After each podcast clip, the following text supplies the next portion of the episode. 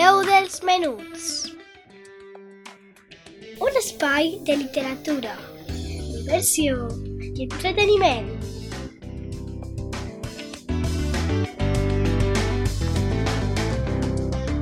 Amb Laia Esteve.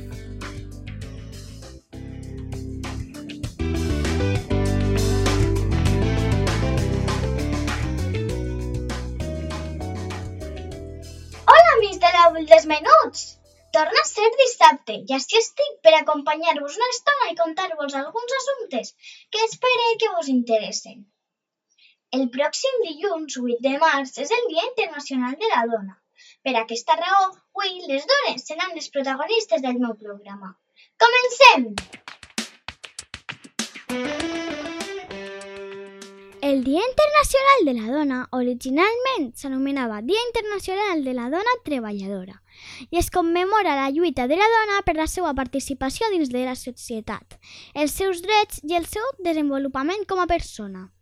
En 1910, a Copenhague, Clara Zetkin, una política alemanya molt influent i lluitadora pels drets de les dones, va proposar a la segona Conferència Internacional de Dones Socialistes la celebració del Dia Internacional de la Dona Treballadora. Ho van aprovar i es van començar a celebrar l'any següent. La primera commemoració es va fer el 19 de març de 1911 a Europa, Alemanya, Àustria, Dinamarca i Suïssa. Des d'aleshores es va expandir a altres països i continents. El 1972, l'Assemblea General de les Nacions Unides va declarar el 1975 Any Internacional de la Dona i des d'aquest dia es va començar a celebrar el 8 de març.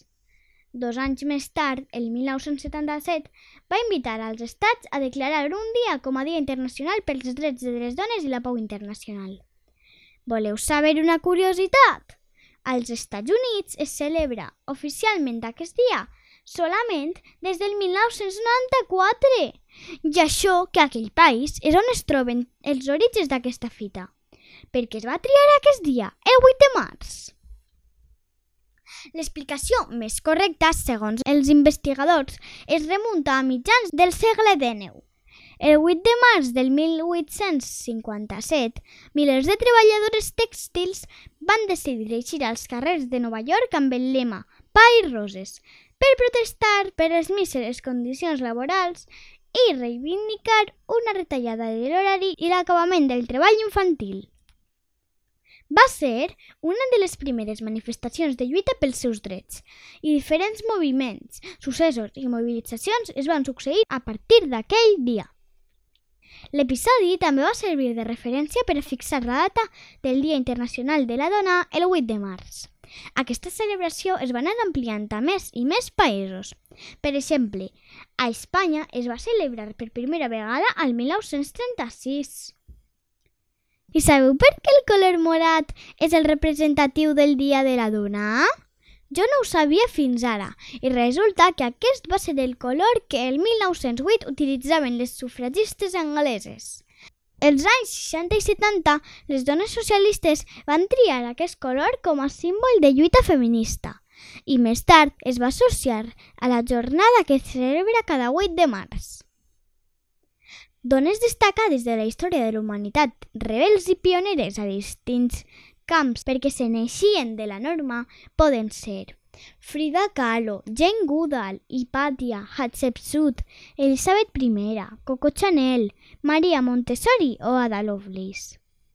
Ara, si vos sembla bé, vos contaré la història d'una dona que em sembla molt interessant, Cleòpatra. Hi havia una vegada a l'antic Egipte un faraó que va morir i va deixar el regne al seu fill de 10 anys, Ptolemeu XIII, i a la seva filla de 18, Cleòpatra.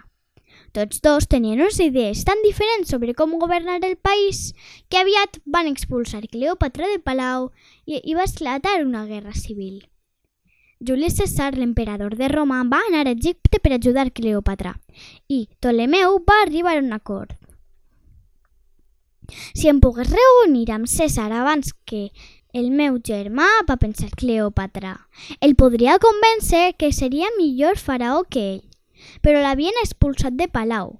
Els guàrdies li haurien impedit l'entrada. Cleòpatra va demanar als seus servents que l'emboliquessin amb una catifa i l'entressin d'amagat a les estances de l'emperador. Impressionat pel seu atreviment, César va tornar Cleòpatra al tron. Es van fer parella i van tenir un fill. Cleòpatra se'n va anar a viure a Roma, però van matar César i va haver de tornar a Egipte. El nou emperador romà, Marc Antoni, havia sentit a parlar molt d'aquesta reina egípcia tan audaç i la volia conèixer. Aquesta vegada Cleòpatra va arribar a una barcassa d'or, envoltada de joies precioses i seda. Va ser amor a primera vista.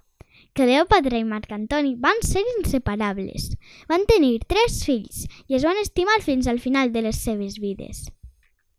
Quan Cleòpatra va morir, el seu imperi va acabar. Va ser l'últim faraó que va regnar a l'antic Egipte.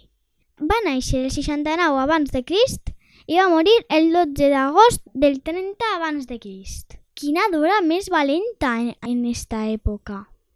Per cert, heu vist com ha quedat de colorida la plaça a la sala? Els xiquets i xiquetes de les escoles hem pintat uns dibuixos i han fet un mural que està penjat a la façana de l'Ajuntament. Jo també he pintat un, i les llumenetes i els globus morats decoren tota la plaça. Recordeu que enguany no podem celebrar aquest dia amb manifestacions ni reunions multitudinàries, però sí podem reivindicar els nostres drets i la igualtat entre els xics i les xiques, perquè si comencem a aprendre des, des de ben menuts, tot serà més fàcil en el futur. Espero que vos hagi agradat el programa d'avui i que passeu un bon cap de setmana. I, com sempre vos dic, cuideu-vos molt!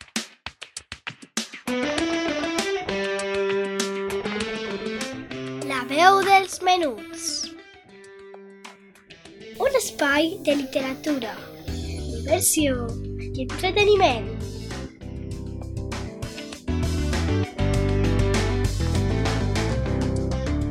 Amb Laia Esteve.